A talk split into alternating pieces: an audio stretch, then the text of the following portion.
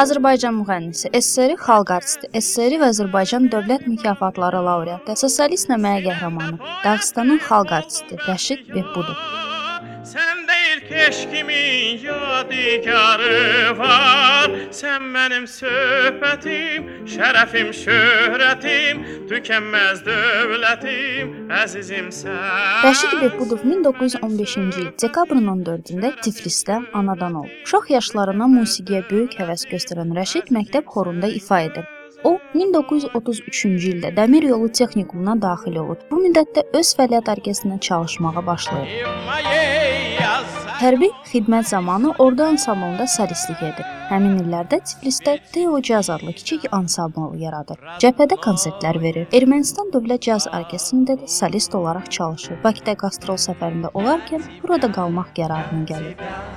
Мой Баку, Мой Баку, не любить, не любить, не могу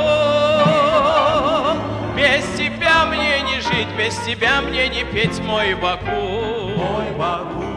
1943-cü ildə Bakı kinostudiyası Aşın Malalan filmini ərsəyə gətirərkən baş rola Rəşid Behbudovu dəvət edirlər. Təklifi qəbul edən Behbudov 1945-ci ildə Aşın Malcı əskər roluna çəkilir. Film ekranlara çıxdıqdan sonra həm Azərbaycan, həm də digər Sovet ölkələrində böyük uğur əldə edir. Bir il sonra Rəşid Behbudov filmdəki roluna görə Stalin mükafatı ilə təltif olunur. Aşın Malalan ona dünya şöhrəti gətirir və yeni yaradıcılıq yolları açır.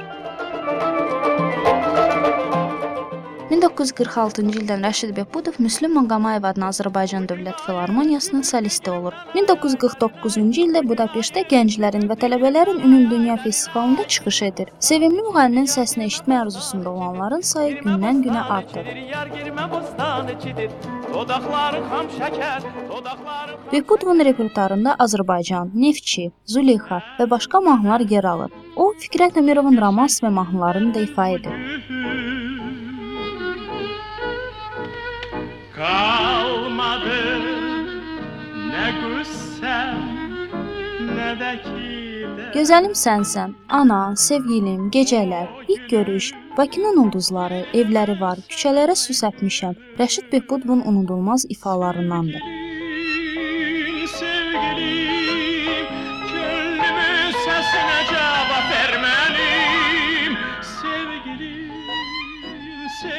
Onun ifasında daha çox sevilən və hələ də yaddaşlardan silinməyən mahnılarına Ayrılıq, Alagöz, Sənə də qalmaz, Halvaçı və başqalarını misal göstərmək olar. Söyle nedir bu edaler, bu iş ve bu naz Gider bir gün bu kalmaz Rəşid Behbudovun Azərbaycan milli kinematografiyasının inkişafında xidmətləri təkcə Arşın Malalan kinokomediyası ilə bitmir. O həmçinin 1001-ci qastrol, Doğma xalqımıza, Toyda görüş, Abşam ritmləri, film konsertlərində və bir çox sənədli filmlərdə və kinojurnallarda çəkilir. 1955-ci ildə çəkildiyi Bəxtiyar obrazı Behbudova yeni şöhrət dalğası gətirir. Böyük vokal və musiqi səhnə ustalığına malik olan müğənni Azərbaycanda opera sənətinin inkişafına da samballı töhfələr verir. Premyerası 25 dekabr 1953-cü ildə olmuş Fikrət Əmirovun Sevil operasında əsas qəhrəman Balaş rolu Rəşid Behbudova tapşırılır. Bu obraz onun opera səhnə uğurlarından biri kimi geniş miqyasda təqdir olunur və respublikanın ictimaiyyəti tərəfindən yüksək qiymətləndirilir.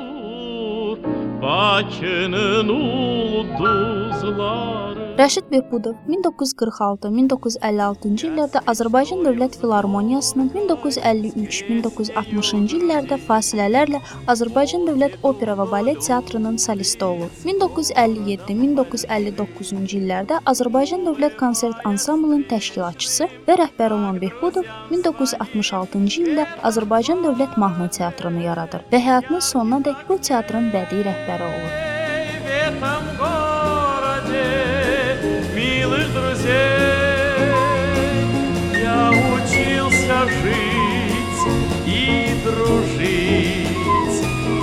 Как же мне Баку не Bu SSR-də ilk belə teatr idi. Müğənni həmin ansamblla 56 ölkəni gəzir. Hazırda həmin teatr Rəşid Behbudovun adını daşıyır. Сколько огней, столько друзей в нашем родимом Баку.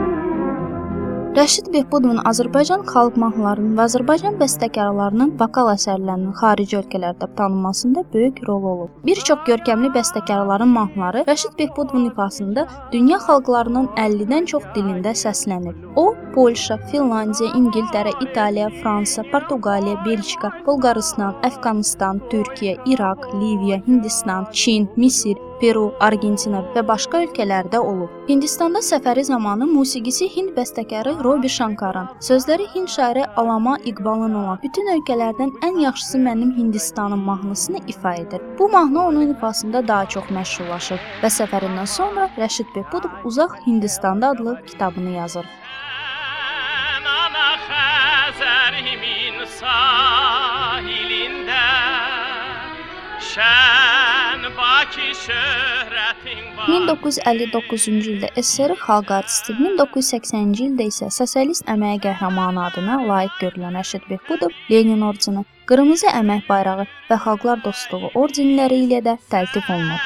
Şəhərlər gözəli sən Bakı Ey cavan Bakı Yaş ötdükcə Rəşid Behbudovun səhhətində problemlər yaranır. Bakıda böyrəyindən aldığı müalicə səmərə vermir və onu Moskva mərkəzi klinik xəstəxanasına göndərirlər. Rusiyaya göndəriləndən çox vaxt keçmir ki, Rəşid Behbudov 1989-cu il iyunun 9-da 74 yaşında vətənindən uzaq Moskva şəhərində vəfat edir.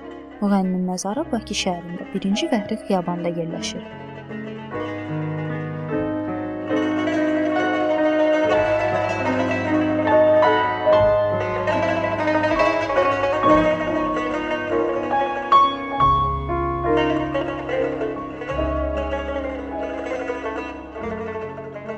Rəşid Behbudovun tək qızı Rəşidə Behbudova müsahibələrinin birində atası haqqında bunları deyib.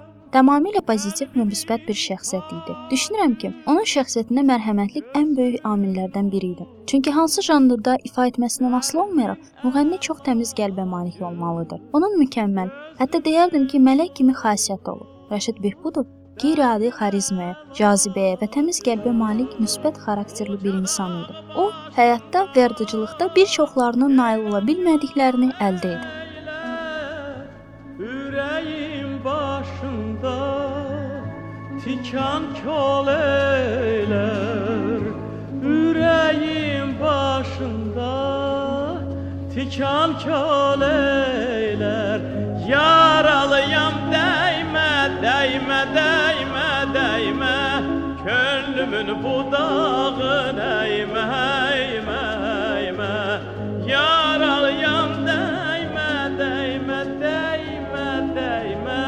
Könlümün budağın əymə, əymə, əymə Pərvanə Sadıqova Gənclərin Səsi Radiosu.